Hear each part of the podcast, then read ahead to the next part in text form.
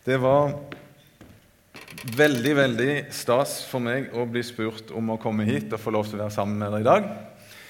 Eh, jeg kan faktisk ikke tenke meg noen bedre måte å få feire bursdagen sin på enn å få være sammen med dere her i kveld. Det er skikkelig fint. Flott å se alle sammen og så mange som er samla igjen. Kanskje vi kan begynne å gå mot litt mer normale tider når det gjelder det å få samles. Det håper vi. Det er en tekst i dag vi skal lese fra Lukas 13, som sikkert kommer opp på skjermen her etter hvert òg. Det kan hende at det er litt forskjell på det som står på skjermen, og det som jeg leser i Bibelen, men det er bare noen små ord, og det er bare fint at vi kan eh, eh høre på og se på litt forskjellig. Jeg, ikke, jeg tror ikke det skal forvirre. Det er altså fra Lukas 13 eh, eh, vers 10 til 17. Og det er Jesus vi leser om her. En sabbat holdt han på å lære folket i en av synagogene. Og se, det var en kvinne der som hadde hatt en vannmaktsånd i 18 år. Hun var krumbøyd og kunne ikke rette seg opp.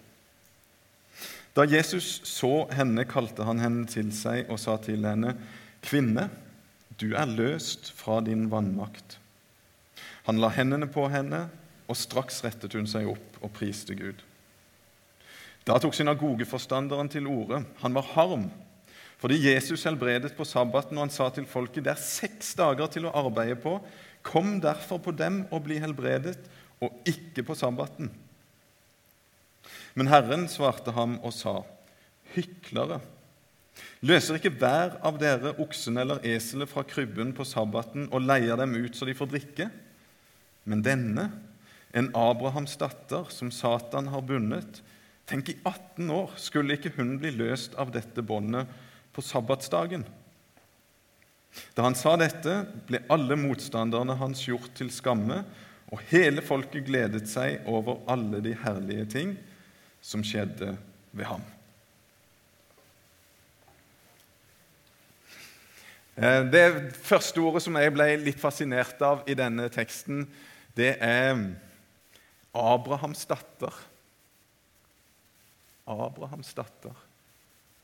Det syns jeg var et eh, litt spesielt ord, og begynte å gruble litt over det. Hva betyr det å være en Abrahams datter? Jo, det betyr å være ei kvinne som har tro. Eh, Jesus diskuterte av og til det med disiplene sine, eller de som lytta til han. Eh, og eh, noen av de fariseerne og de som hadde høy status, de sa at vi er jo Abrahams barn, og tok det som en selvfølge. Vi er jo jøder, vi er jo det folket og vi vet jo at vi har status som eh, Abrahams barn. Og så sa Jesus til dem at eh, det er ingen selvfølge å være et Abrahams barn. Og det kommer ikke an på fødsel og historie og slektstreet ditt, men det kommer an på om du får se meg og tro på meg. Senere gjentar Paulus det samme i Galaterbrevet kapittel 3. Så sier han at eh, eh Abraham han er et forbilde for oss fordi han trodde på Gud og ble rettferdig av tro. Alle mennesker som tror, er Abrahams barn. Jesus kalte altså denne kvinna, som hadde gått i 18 år bøyd Kom til, til synagogen på sabbaten. Jesus fikk øye på henne. Det er ikke sikkert at hun oppsøkte Jesus for å bli helbreda. Det står det ingenting om. Men han eh, så henne. Jesus ser til hjertet, eh, og Jesus gjenkjente trua i hjertet hennes. Og Så sa han et par ord, og så tok han på henne, og så reiste hun seg opp, og så priste hun Gud. Abrahams datter. Motsatsen til Abrahams datter det er kanskje et ord som dere la merke til, som er atskillig mindre hyggelig. Hyklere. Det er synagogeforstanderen, altså sjefen i synagogen, han som holder orden i synagogen og på gudstjenesten. og sånn.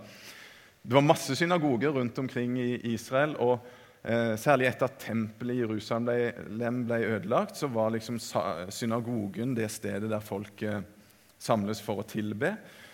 Det var til og med et sosialt samlingspunkt. Det var liksom der folk eh, ofte møttes og var. Eh, synagogen var ganske viktig. Derfor gikk Jesus ofte i synagogen og han fikk anledning til å lese opp bibeltekster, til å forkynne i eh, synagogen. Synagogeforstander var altså han som leda arbeidet da, i synagogen, og han får høre du er en hykler. Du er en hykler. Hvorfor det? Jo, fordi han hadde misforstått dette med tru og religion. Fordi synagogeforstanderen hadde blitt mer opptatt av det ytre enn av det Jesus var opptatt av, nemlig trua i hjertet. I ordspråkene Det er jo sånn på det her tekstrekkene at det står at vi har eh, noen tekster fra Det gamle testamentet. Og Der står det noe som eh, har fått meg til å tenke, og som kanskje kan få oss til å tenke. Hva er en hykler, og hva er en som har sann tro? Den som undertrykker den svake, håner hans skaper. Den som hjelper den fattige, gir Gud ære. Den som undertrykker den fattige, håner hans skaper. Den som hjelper, gir Gud ære. Greia med det Jesus gjorde denne sabbaten i synagogen, var å vise hva sann åndelighet er. Sann åndelighet er ikke det utvendige. Det er ikke det som mennesker kan se og anerkjenne og kanskje bli imponert av men det er det som er på innsida. Og det gir seg noen uttrykk. Og et av dem er omsorg for de svake. Han synagogeforstanderen Jeg skal ikke si at han blåste i hun dama, men han var iallfall ganske hard. ikke sant? Her har vi seks dager å jobbe på, så kommer du på denne sabbaten. Skjerp deg! Mens Jesus viste sann omsorg, Sann barmhjertighet. Og så trua i hjertet på denne kvinna som antageligvis veldig få brydde seg om, og som antageligvis var marginalisert i samfunnet pga. tilstanden hun hadde vært i i 18 år. Sann tro. Sann åndelighet. Bryr seg ikke om eh, status og anerkjennelse og de tingene der men ser den svake. Av og til når jeg forbereder meg og skal tale, så leser jeg fra noe som heter African Bible Commentary. Eh, jeg er veldig glad i Afrika og satt med et par tårer i øyekroken når jeg så fra Bengale i Kenya i dag.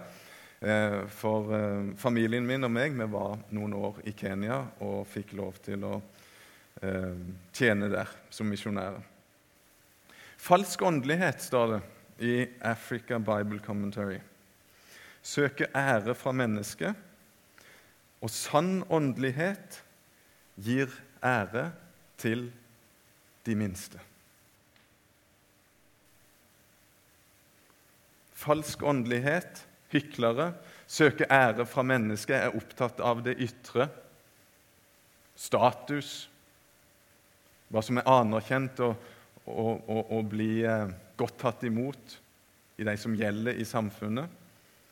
Sann åndelighet ser det ikke sånn, men ser de minste, de marginaliserte, de fattige, de som har behov. Hvorfor det? Jo, fordi en skjønner at jeg sjøl er en sånn som er fullstendig desperat, totalt avhengig av Jesus og hans nåde. Her er det ikke rom for å hovere, her er det ikke rom for å eh, tenke på det ytre og på status og de tinga der. for jeg sjøl vet hvor jeg kommer fra, hvem jeg er, og at jeg er helt fullstendig avhengig av Jesus og Hans nåde. Og så gjenkjenner jeg andre mennesker som er i den samme situasjonen. Og så blir det ytre og det som gir status, så mye, mye mindre verdt. Ser dere det? Hva det Jesus gjør på denne sabbaten?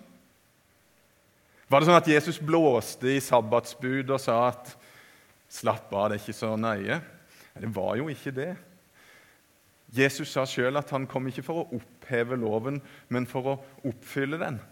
Og Hva er det han gjør her i denne synagogen? Jo, han oppfyller sabbatsloven. Fordi resultatet av det som Jesus gjør, det er lovprisning til han.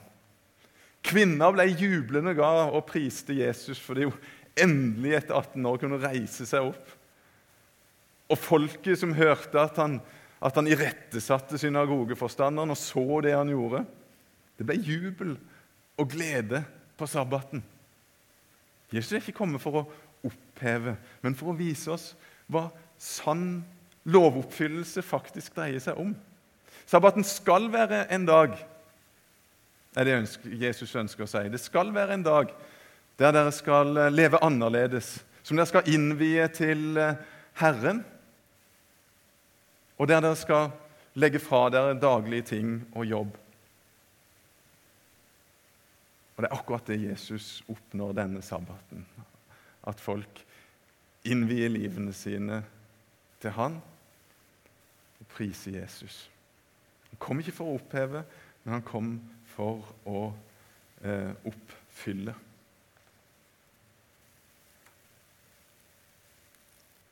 Sann åndelighet, sann tru kontra hykler og falsk åndelighet. For meg som forkynner så, så prøver jeg av og til å teste meg på ett spørsmål før jeg skal eh, forskjellige steder og tale. Og Da spør jeg meg sjøl Øyvind, hva er du er mest opptatt av i dag? Er det å få anerkjennelse for å ha holdt en god tale og bli godt likt og få noen klapp på skuldra og 'Yes, det her var bra. Det her fiksa du bra.' Eller er det faktisk at, at Jesus skal bli synlig og kjent og tatt imot? Det kan være et ganske ransakende spørsmål å stille seg sjøl for en sånn som meg. Og Av og til så eh, er svaret på det spørsmålet litt ubehagelig.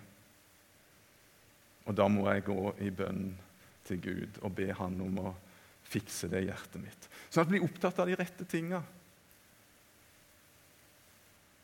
Og ikke av falske ting som egentlig ikke betyr noen ting.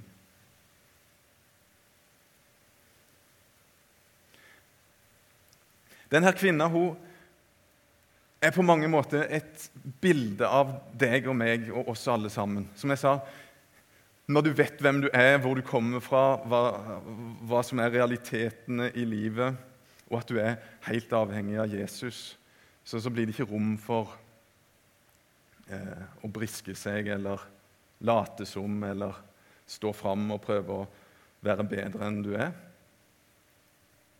Og kvinna hun er faktisk et bilde på, eh, på de vilkårene som vi alle sammen er underlagt. Du er skapt av Gud i hans bilde. Uendelig verdifull. Skaperverket er godt. Gud var superfornøyd når han hadde skapt og kunne ta sabbat. Det var Gud som eh, instituerte den dagen da han skapte. ikke sant? Den, denne dagen skal settes av til å hvile. Det gjorde Gud òg. Men han var kjempefornøyd. Han hadde skapt eh, en fantastisk skapning med mennesket som det aller høyeste. Det er sant. Og så er det samtidig sant at, eh, at alt falt i grus pga. menneskets valg. Synda kom inn i verden og har blitt en dominerende faktor i våre liv. Så kjære venner, vi må, vi må være klar over denne dobbeltheten i tilværelsen vår, alle sammen. Det skapte jeg godt, og du er skapt i Guds bilde. Fantastisk verdifull sånn som du er. Og så lever vi samtidig med fallets konsekvenser, sånn at mennesket går krumbeid. Jeg har hørt om ganske mange mennesker som, som har blitt bøyd og knekt av pandemien som vi har levd i nå i, i et par år. Som syns det er fryktelig tungt. Sjøl har jeg kjent at det har vært tungt. Og Det er en av grunnene til at jeg syns det er så fint å være her sammen med dere i dag. Se så mange mennesker. Kjenne på fellesskapet og få være en del av det. Av og til så kjenner jeg at uh, synd og fallets realiteter, hvis vi kan bruke et sånt ord Går det an, møteleder, å bruke et sånt ord? Fallets realiteter. Vet vi hva vi snakker om da? Nettopp det at det gikk galt. ikke sant? Vi feila. Og vi ser det rundt oss pga. Det er sykdom og nød og krig. Og, og, av og til så kjenner jeg at det kommer innenifra. Sånn som når jeg har lyst til, jeg lyst til å please mennesker og til å få ære og berømmelse av mennesker, enn til å faktisk snakke sånn at Jesus blir synlig, og at, at mennesker kan ta imot ham. Det, det kommer innenfra. Og jeg har et desperat behov for hjelp. Jesus, kom og hjelp meg. Berg meg, frels meg, ta deg av meg. Sånn som du gjorde med hun dama som hadde gått bøyd i 18 år. Jeg vet du kan Jesus. Det kan du få lov til å si til Jesus i dag. Han ønsker så inderlig å, å komme nær deg og hjelpe deg og reise deg opp. Gjør deg glad og skape glede og lovprisning til Han. Det ønsker han i dag like sterkt som han gjorde da når han liksom satte sabbatsbudet til side, eller viste hva det faktisk egentlig betydde. Han ønsker det. Komme nær deg, reise deg opp, fri deg fra synda di og hjelpe deg sånn som bare Jesus kan. Jeg håper at du vil eh, ønsker Jesus velkommen inn i livet ditt. Om du har gjort det mange, mange ganger før, så er det fint å få gjøre det enda en gang i kveld. Det er det han vil. Komme inn og hjelpe. Alltid når Jesus gjør under i Det nye testamentet, i evangelien denne, Akkurat denne fortellinga her forresten, den står bare i Lukas. Lukas var lege. Var veldig opptatt av å notere nøye ned det han hørte, det han så og det han fikk med seg. Eh, notere nøye ned alt som Jesus gjorde. Og akkurat denne eh, fortellinga her, det er det faktisk bare Lukas som har med. Jesus var jo ofte i synagogen, som jeg sa, og det, ble ofte trøbbel av det. Og, og, og, og flere andre ganger òg var det liksom det at eh, du driver og, jobber og helbreder på sabbaten. Det skal du ikke gjøre. Eh, en gang når han var hjemme og forkynte og, og, og la seg fra Det gamle testamentet og sa at han var Guds sønn. Husker dere det? Eh, folket ble så sinna på Jesus at de dreiv han mot klippa og ville dytte han utfor. Men så skjedde det at Jesus bare snudde seg, og, og folk tredde, tredde til side. Og han, han gikk uskadd eh, derifra. Men alltid når Jesus gjør under så er det et tegn i det. Han gjør det fordi han syns inderlig synd på denne kvinna. ikke sant? Han gjør det fordi han virkelig eh, vil hjelpe henne, gjøre henne frisk, og eh, som en sånn god ting i seg sjøl, der og da, eller her og nå, når han møter oss. Eh, men det er alltid noe som peker framover. Alltid noe som peker framover. For i denne verden, her som vi lever nå, så lever vi alltid med de to realitetene. ikke sant? Skapt i Guds bilde, alt er godt, og falt. Hele tida. Ikke noe som vi kan kvitte oss med på et eller annet tidspunkt. Men tegnene peker framover mot den dagen da det kun er én realitet.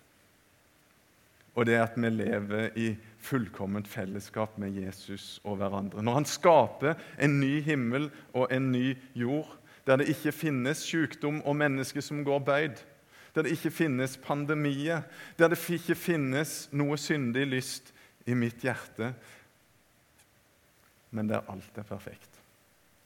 Det er alltid det Jesus ønsker å vise oss når han gjør under.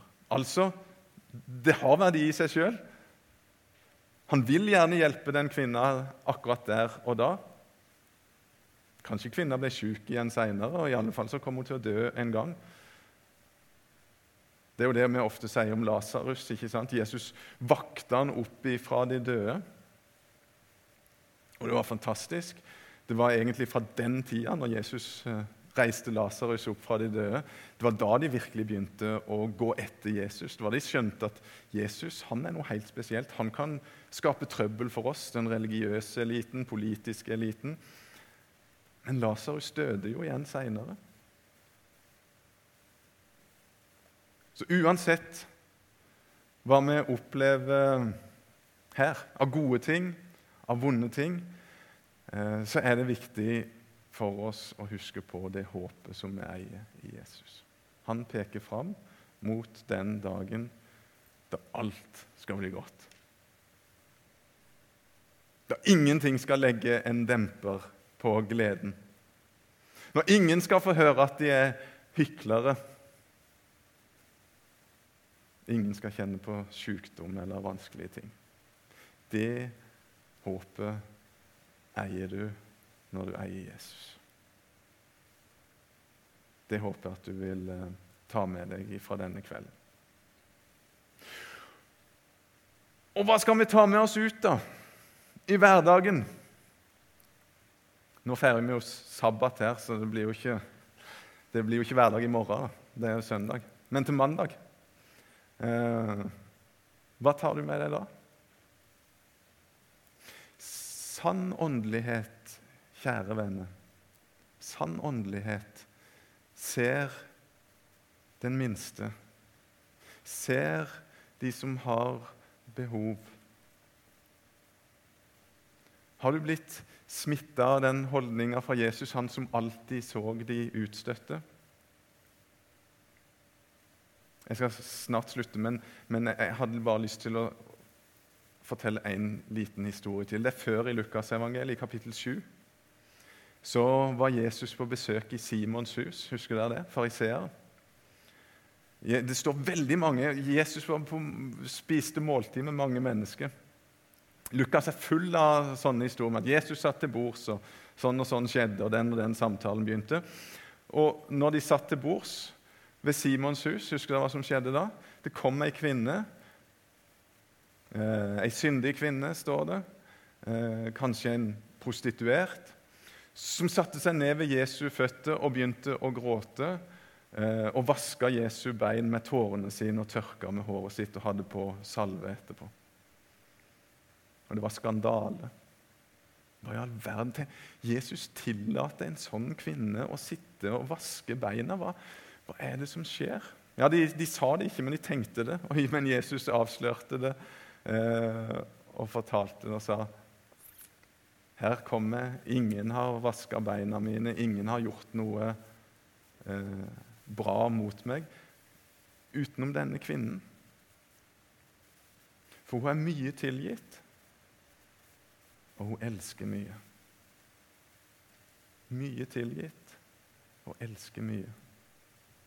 Det henger sammen, det. Vi er mye tilgitt. Hvis du tenker gjennom livet ditt, du som er skapt i Guds bilde og uendelig verdifull, så vet du at uh, det er mye Gud må tilgi i livet ditt. Og Da skulle vi gå ut i verden uh, og se etter de menneskene som trenger oss. Kanskje du kjenner noen som, eh, som er ekstra nedtrykt av pandemien. Kanskje du kjenner noen som eh, eh, du egentlig har tenkt lenge at du skulle tatt kontakt med, men så har det liksom ikke blitt. Ja, hva vet jeg. Men sann åndelighet